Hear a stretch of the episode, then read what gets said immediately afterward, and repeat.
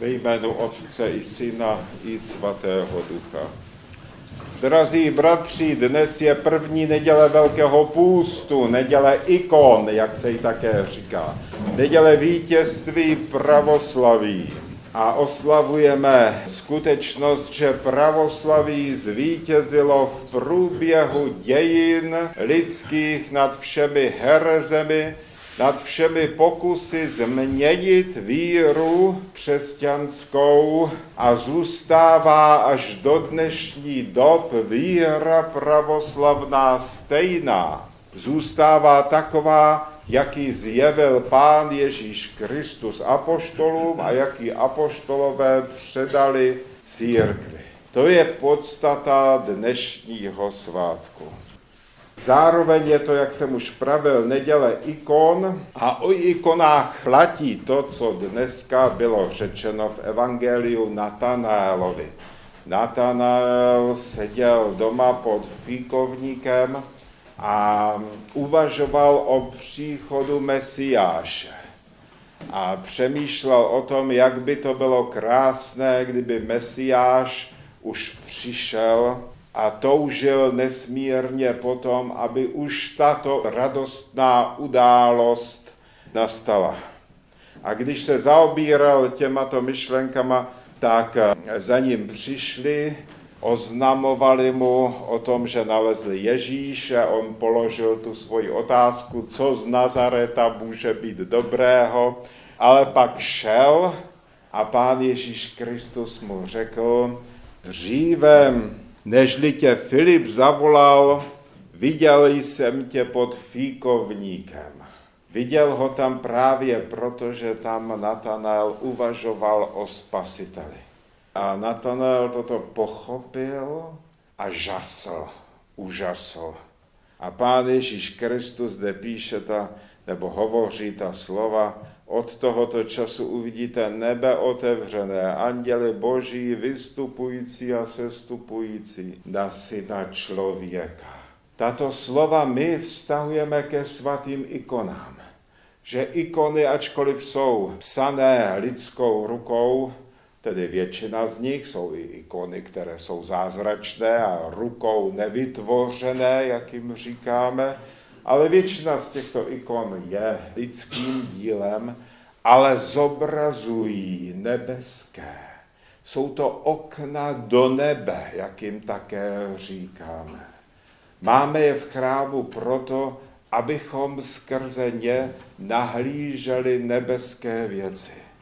A když sám Bůh se rozhodl, že se stane viditelným pro lidské oči, do té doby neviditelný a nepřístupný Bůh se rozhodl, že se stane viditelným a že se stane dotýkatelným. To znamená, že apoštolové se ho dotýkali po té, co se vtělil v Nazaretě, co se narodil jako pán Ježíš Kristus tak od těch dob i my můžeme zobrazovat to, co Bůh sám se rozhodl ukázat lidským očím, tělesným lidským očím.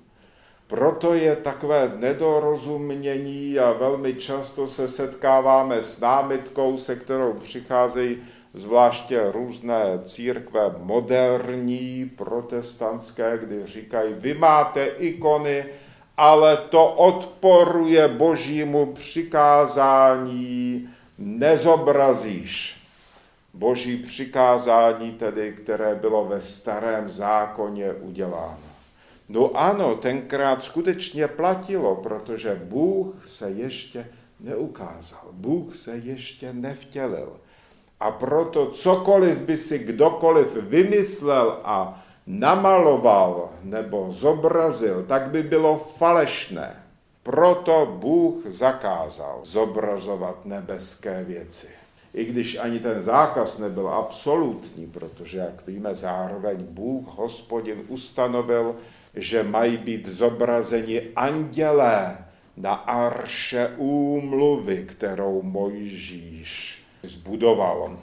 Takže po vtělení, po té, co se Ježíš Kristus narodil, tak tento zákaz nezobrazíš. Samozřejmě platí dál, ale vztahuje se pouze na osobu Boha Otce, který se neukázal. O něm nic nevíme, nevíme, jak vypadá, je nezobrazitelný, je nedotykatelný, tak proto Boha Otce správně na ikonách bychom zobrazovat skutečně neměli.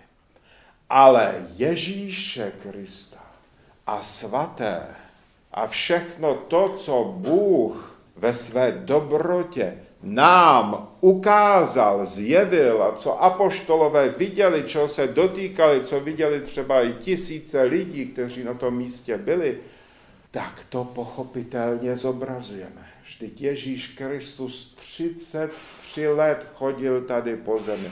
Všichni ho viděli. Každý se s ním mohl obejmout.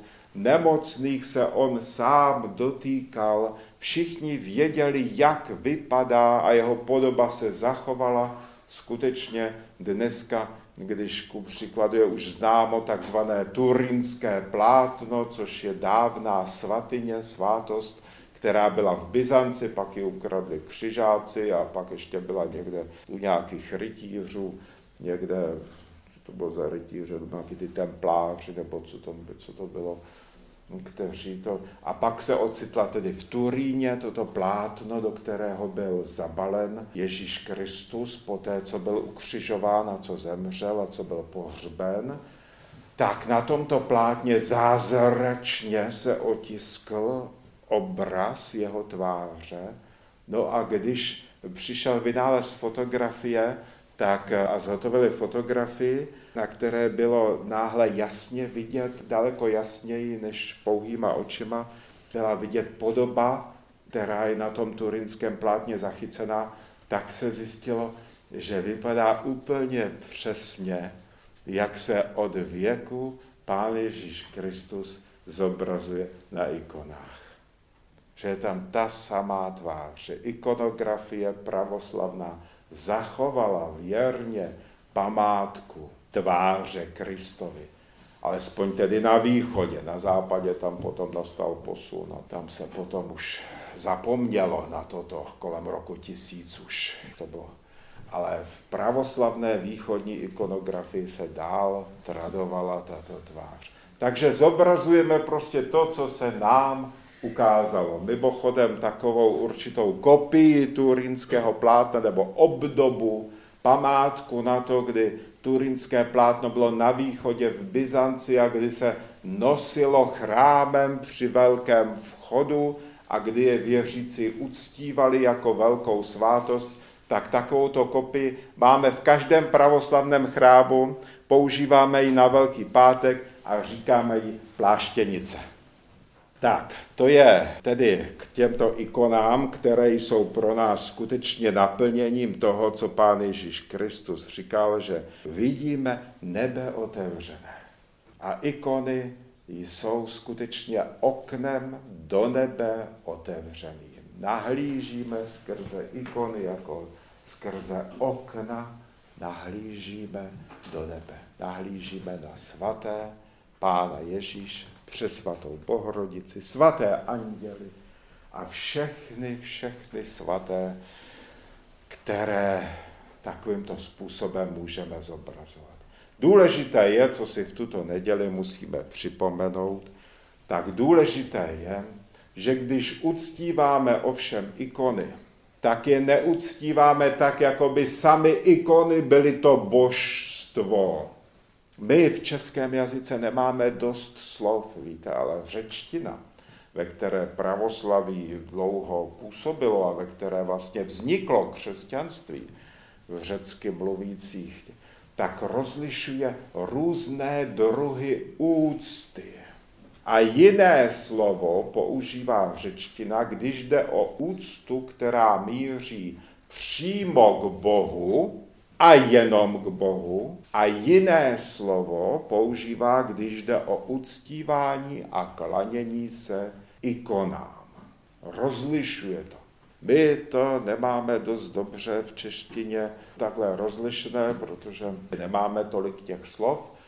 Ale každopádně rozlišovat to musíme. To znamená, když líbáme ikonu a uctíváme ikonu, tak je důležité uvědomit si, že to, co skrze ikonu uctíváme, je před obraz. To zná ten, kdo je tam zobrazen.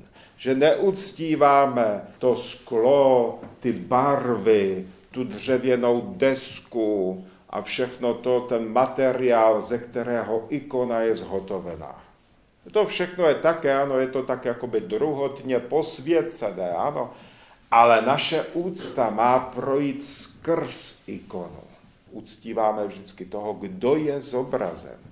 Nikdy neuctíváme samotnou ikonu, protože materiálu se neklaníme. Neklaníme se stvoření, ale stvořiteli. To je důležité toto mít vždycky na paměti a dnešní neděle je právě příležitost, jak jednou do roka tyto věci připomenout a znova si je ujasnit. To je také důvod, proč se ikony správně nemají líbat někde na rám, anebo na místo třeba někde na pozadí, nebo někam, když je tam třeba nějaká krajina, tak se nelíbají na místo, kde je ta krajina a tak podobně, ale vždycky se políbí ta osoba, která je tam zobrazena. Když je tam Pán Ježíš Kristus, nebo přesvatá Bohorodice a celá postava, tak bývá zvykem, že ji políbíme na nohy. Že s úctou ji líbáme chodidla, nohy. Ať už je to Pán Ježíš, nebo kdokoliv jiný. Když je tam polopostava zobrazená pouze, tak bývá zvykem, že líbáme ruku, která je tam. Nebo když je tam ruka, která drží evangelium, tak můžeme políbit to evangelium. Prostě bývá zvykem u polopostavy zobrazené tak líbat ruku. A když je tam jenom hlava, a jsou takové ikony, tamhle v předsíni třeba máme, tady teďka nevím, tady nemáme. Když je tam pouze hlava, tak líbáme na vlasy. Na vlasy, anebo na šíji, na krk. Bývá takovým dobrým zvykem, že nelíbáme zobrazené osoby na obličej. A už vůbec ne na ústa. To je tak, je to, všichni chápete, no, je to takový. Ale důležité je skutečně políbit tu postavu, nikoliv nějaký strom, který tam někde roste vzadu, nebo já nevím, Taky si dáváme pozor, na některých ikonách jsou třeba zobrazeni démoni, jak utíkají před Ježíšem Kristem, tak aby člověk nelíbal ty démony, kteří tam prchají, někde jsou tam zobrazeni. Nebo když je tam peklo, tak líbáme zase Pána Ježíše Krista na paschální ikoně. Tam je to roztržené peklo tak tam líbáme tedy Pána Ježíše Krista, nikoliv ty démony, kteří jsou tam někde, nebo takový ty spoutance, kteří jsou tam v tom podsvětí a tak podobně. Takže toto všechno jsou věci, které by měl každý pravoslavný křesťan vědět a znát když uctívá ikony a pravoslavná církev, která ikony uctívá už od dob apoštolských, zachovaly se památky, jednak církevní tradice nám říká, že první ikonu už připravil evangelista Lukáš. Existují opisy této ikony. Byla to ikona přes svaté Bohorodice. Katakombách, kde se křesťané modlili, tak víme, že jsou tam rytiny, že jsou tam obrazy, na starých bohoslužebných nádobách a předmětech, které se zachovaly z doby ještě prvního tisíciletí, anebo třeba i šestého, nebo některé možná i pátého století, tak jsou už tam obrazy, jsou tam, je to tam zobrazeno. Prostě z toho mála, co přežilo dobu ikonoborectví, která byla v tom sedmém 8. století, kdy teda byla taková epocha boje proti ikonám, tak to, co přežilo, tak z toho víme, že uctívání ikon je opravdu velmi, velmi starobylá věc, která skutečně jde až k dobám prvokřesťanským. A taky udržeme i my, a tak je to stanoveno v církvi, kdy svatí otcové říkali, že uctívání ikon je užitečné pro duchovní život člověka, že to přináší prospěch duchovnímu životu. Že to je důležitá součást pravoslavné tradice a života církve. A i dnes svatí lidé a svatí starci, kteří vidí věci duchovní, tak vidí skutečně, že ikony jsou důležité. To vidíte třeba na starcích nahoře Atos. Tam jsou lidé, tam jsou starci, kteří jsou úplně nejvýš, kteří vidí Boha samotného, se jim Bůh zjevuje, vidí boží světlo, vidí svatou boží blahodať zářit. Vidí věci, o kterých nám se ani nesní, vidí anděle. Občas přichází za nima přesvatá bohorodice a oni vidí, jak přichází a jak požehná a někdy dají schopnost i ostatním lidem, kteří u toho jsou, aby také to zahlédli, tuto skutečnost. No a všichni tito lidé, o kterých bychom třeba si mohli myslet, no ty už jsou tak vysoko, ty už jsou v nebi svým životem, že ty už žádné ikony nepotřebují mít. Tak vidíte, že i oni mají ve svých kelích na Atosu ikony. Třeba starec Pajsi měl ikonu. Jemu se zjevovala přesvatá bohorodice. A když se ho někdo zeptal, jaké ikoně, jaké podobě byla přesvatá bohorodice, která za ním přišla na návštěvu, které ikoně se podobala, tak starec Pajsi šel a ukázal na jednu z ikon a říkal této. Takhle přesně vypadala. To byla ikona Matky Boží Jeruzalemská tak říkal, že takto přesně vypadala, jak je na jeruzalemské ikoně Matky Boží. Tak to je typ bohorodičné ikony jeruzalemská. Takže z toho vidíte, že i když tito starci používali ikony, líbali ikony, modlili se před těmato ikonama, tak o to spíše je to užitečné pro nás, kteří jsme tak daleko od nebe, a kteří jsme svým způsobem života teda ještě hodně při zemi, že? Tak, Moji drazí, já jsem chtěl původně dneska ještě pohovořit trošku o tom, čím jsme prošli v čistém týdnu. Máme za sebou první týden Velkého půstu, to všichni víte. A první týden Velkého půstu ve slovanských pravoslavných církvích se nese ve znamení čtení kánonu svatého Ondřeje Kreckého. V řecké církvi to není, tam čtou kánon Ondřeje Kreckého pouze pátou neděli, ve čtvrtek páté neděle Velkého půstu, ale slovanské církve které se velmi radují z toho, že tento kánon máme jako pravoslavní, tak se ho ještě rozdělili na čtyři části a postupně po těch čtyřech částech ho přečtou v průběhu prvních čtyřech dnů čistého týdne. A ten kánon to je opravdu hloubka. To je jedno z nejsilnějších, duchovně nejsilnějších hymnografických děl nebo modlitebních děl pravoslavné církve. Ondřej Krécky napsal obrovské množství modliteb. Byl to literát, měl ten dar psát a napsal toho mnoho, ale všechno je to v řečtině přeloženo, z nich není prakticky nic. Ale je přeložen velký kánon. Velký mu říkáme, protože je nesmírně dlouhý. Má 250 troparů. A tento kánon tedy napsal Ondřej Krécký jako poslední dílo svého života. Na závěr svého života. Jako starý člověk, jako starý muž. A zároveň duchovně velmi hluboký člověk. Proto také Ondřej Kréckému, přestože to byl světitel biskup, tak pravoslavná církev mu dává titul mnichu, ctihodný, prepodobný. To je kvůli tomu, že v tom velkém kanonu on zachytil takové hlubiny a takové jemné pohnutky a jemný pohled do lidské duše, jaký je typický spíš pro mnichy. Mniši jsou celý život žijí v pouštích, zabývají se modlitbou, půstem, ale tak mají takový ten hluboký vhled do věcí duchovních, kdežto biskupové to jsou buď mučedníci, anebo jsou to lidé, kteří se zabývají praktickými věcmi, řízením církve a takovéto věci hlubiné duchovní nemají tolik možností a tolik sil, ale Ondřej Krécký je výjimkou. Když se narodil, tak sedm let nemluvil. Narodil se jako němý.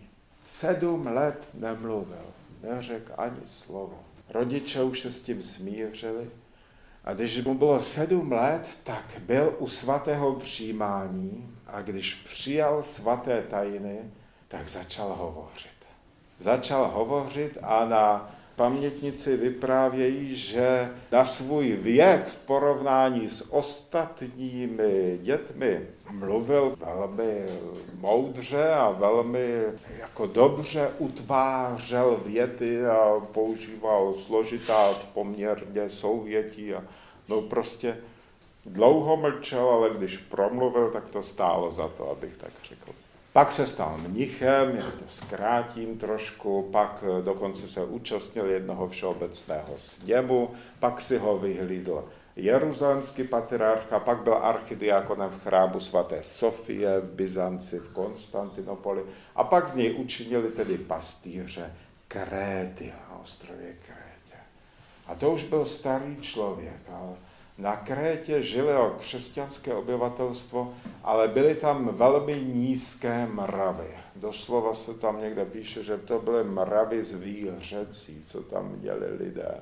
A Ondřej svatý jim chtěl pomoci, protože věděl, že takovýto způsob života jim přinese trest, že dává ďáblu právo nad nimi a chtěl je obrátit tedy k lepšímu životu. A tak právě pro ně napsal tento kánon. Je to vlastně také duchovní deník, tak trošku. Kánon Ondřeje Kréckého.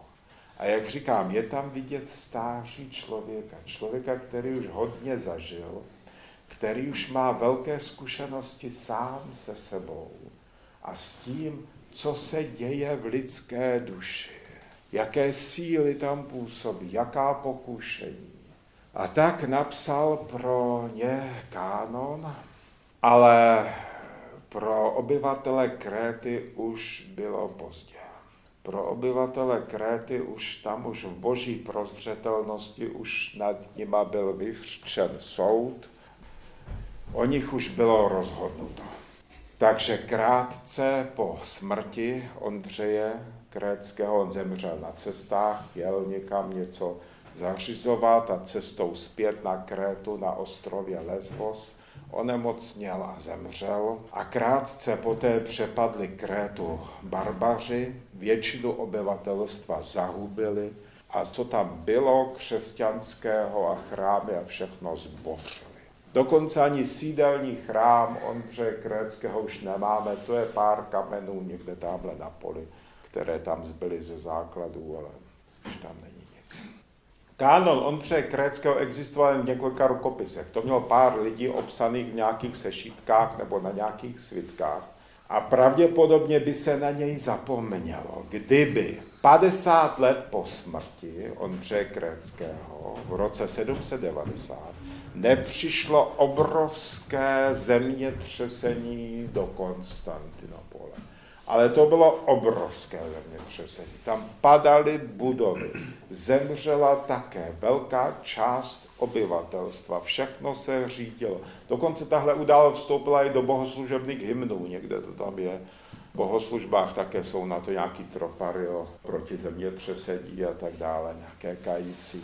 A tenkrát v jednom ženském monastýru Měla igumenie ten sešit s ručně obsaným kánonem Ondře Kréckého. A v té všeobecné spoušti, kdy tam praskala země, otevíraly se pukliny a lidé padali do hlubin kamsi, tak v téhle spoušti monašky vyšly z tohoto svého monastýru ven a začali číst s pláčem a na kolenou právě tento kánon. A v ten moment zemětřesení utichlo. Přestalo zemětřesení. A tím se stal tento kánon slavný. Tento kánon, který v sobě obsahuje tak hluboké vybídnutí člověka k pokání a k nápravě života, ukazuje i v praxi, že pokání může změnit vše. Na Paschu vždycky čteme o Niniveckých, kteří už měli být zničeni božím soudem, ale na základě pokání byli ušetřeni a byla jejich zkáza, zkáza Ninive odvrácena. A stejně tak to vnímají i pravoslavní křesťané až do dnešních dob, že pokání může změnit všechno. Dokonce i boží soud může být změněn, i boží rozhodnutí může být změněno, pokud se lidé dostatečně kají. Veškeré problémy, které máme tady na světě, které má lidstvo a společnost, by se mohly vyřešit, kdyby se lidé káli. Bohužel už na to dnes lidé nevěří. A to i mnozí věřící už na to. Tedy nevěří v sílu pokání. A tak, když přijde katastrofa, tak pravidelně uvažujeme o čem?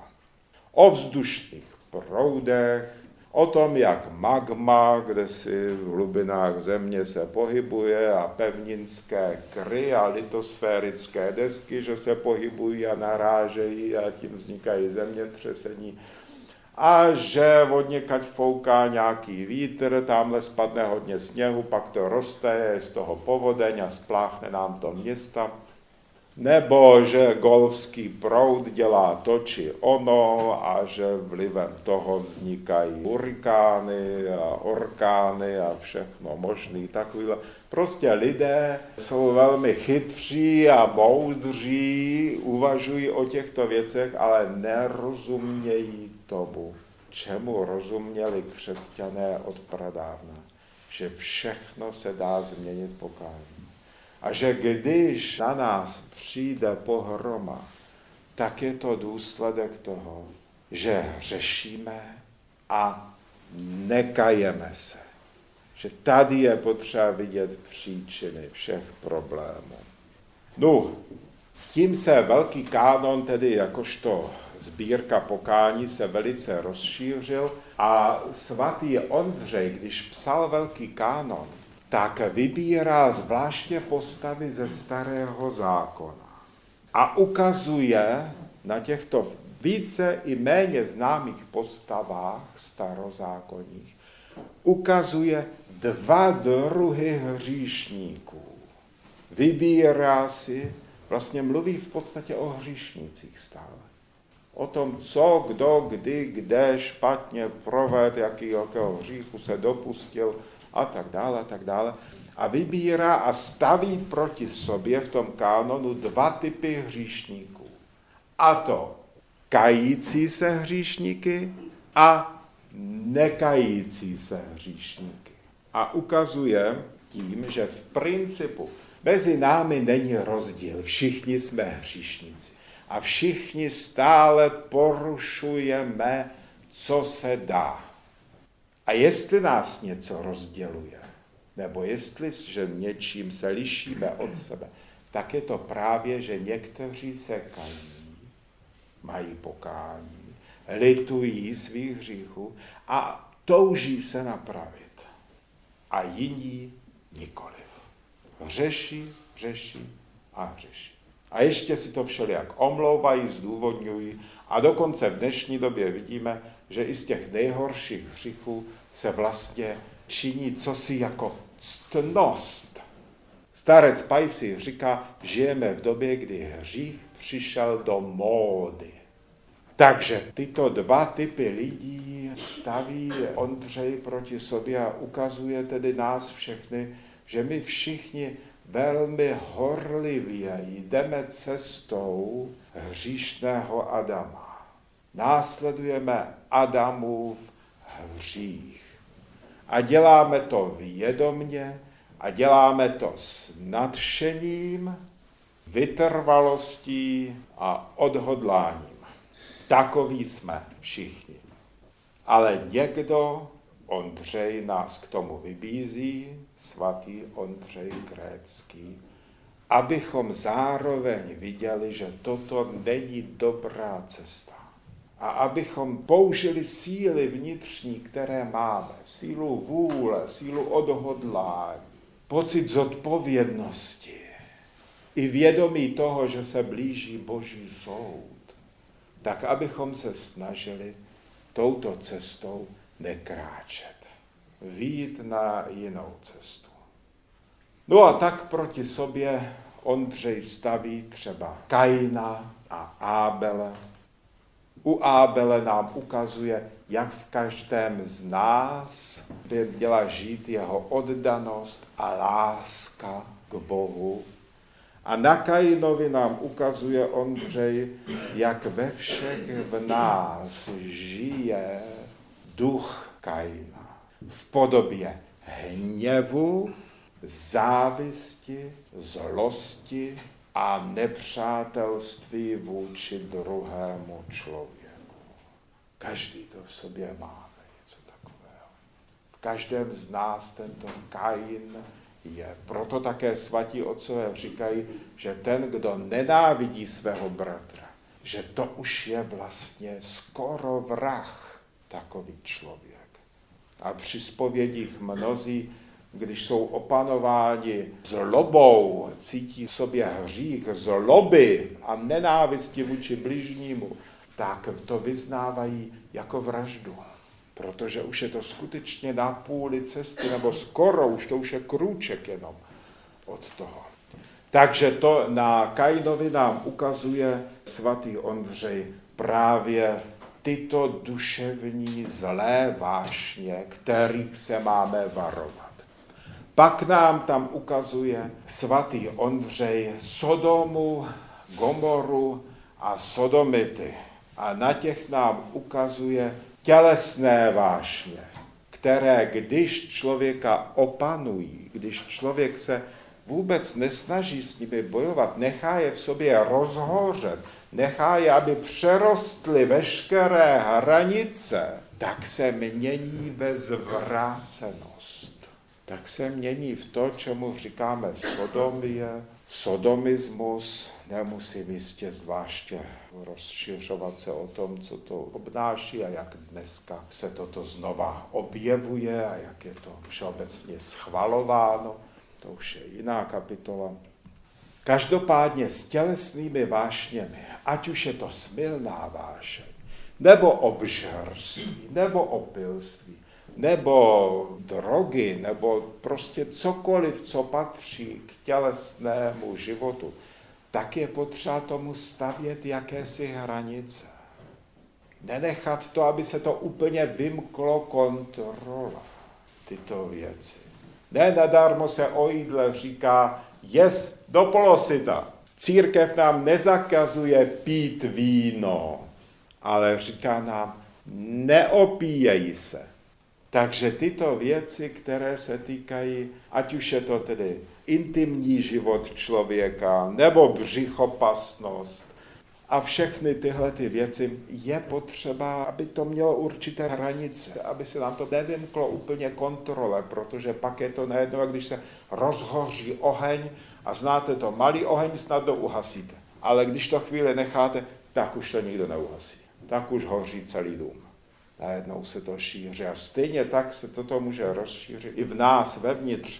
Kvůli tomu církev taky položila půst, to je jeden z významů půstu, kdy si zkoušíme, kdy si to máme možnost vyzkoušet, jestli umíme ovládat tělesné potřeby a tělesné vášně. Jestli se dokážeme třeba zříci masa a toho, co nám nějak hrozně moc chutná, Jestli dokážeme vydržet ten týden bez alkoholu. A co kdyby třeba kuřáci zkusili bez cigarety? To je droga už cigareta, je to těžké, já to chápu, ale mohli by to aspoň zkoušet. Nebo nějak to významně omezit. A takhle to platí o všech těchto tělesných věcech. Je tady prostě možnost především si to vyzkoušet a dozvědět se o sobě pravdu. Dozvědět se, jak na tom jsem. Mám to pod kontrolou, nebo nemám už. To je, myslím, důležité. Dokud to mám pod kontrolou, tak je to víceméně dobré, ale problém začíná, když se to vymkne kontrole, tak potom říkám, snadno se z toho stává potom už zvrácenost, anebo takové ty pošklivé věci, které už jdou potom proti samotné přirozenosti lidské. Takže toto nám ukazuje Ondřej, když mluví o sodomských. A ukazuje nám Lota, jak utekl na horu. Hora, to je modlitba. To je v církvi vždycky obraz modlitby a toho, že se člověk přiblíží k Bohu, k nebi. To je hora. Lot, Lot utekl na horu. Solár se jmenovala ta hora tam. A Ondřej i nás vybízí, abychom své srdce pozdvihli od země vzhůru. A srdce pozdvihneme vzhůru tehdy, když na nebeské často myslíme. Srdce jde většinou tam, kam jde většina myšlenek našich. Jde o to, na co nejvíc myslíme. Myšlenka to je takový létavec, to je jako pták, který lítá sem a tam a tam a sem a nahoru, dolů a doleva, doprava. Myšlenkově se člověk pohybuje snadno. Srdce se srdcem se hýbá dost těžko. Ale když člověk v myšlenkách se často zabývá nebeským, tak i srdce postupně se odlepuje od pozemských věcí k nebeským. A naopak, když člověk stále přemýšlí o pozemském a o tělesném a tím se zabývá, tak se k tomu potom přilepí i lidské srdce. No a když se srdce pozdvihne vzhůru, tak tím se rodí modlitba. Pokáním a pozdvižením vzhůru. Ne nadarmo nejposvátnější část božské liturgie, takzvaný eucharistický kánon, začíná slovy řecky anos chomentas cardias.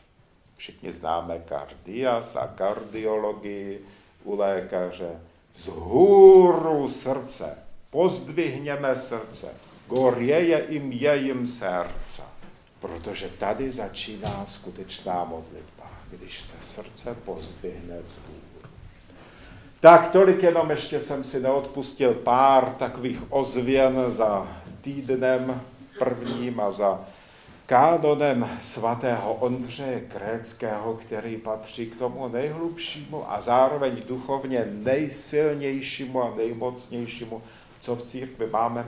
A proto slovanské pravoslaví uložilo tento kánon, že čteme na začátku Velkého půstu. Ten nám otevírá bránu do duchovního života. Tak, přátelé moji drazí, ať náš život provází pokání, ať provází nás stále to, k čemu nás vede svatý Ondřej, abychom nepromarnili svůj čas, dokud ho máme. No a o ikonách, o kterých jsme hovořili, ať jsme jakožto pravoslavní křesťané i my známí tím, že skrze ikony vidíme nebe otevřené. Sláva Otci, Synu i Svatému Duchu.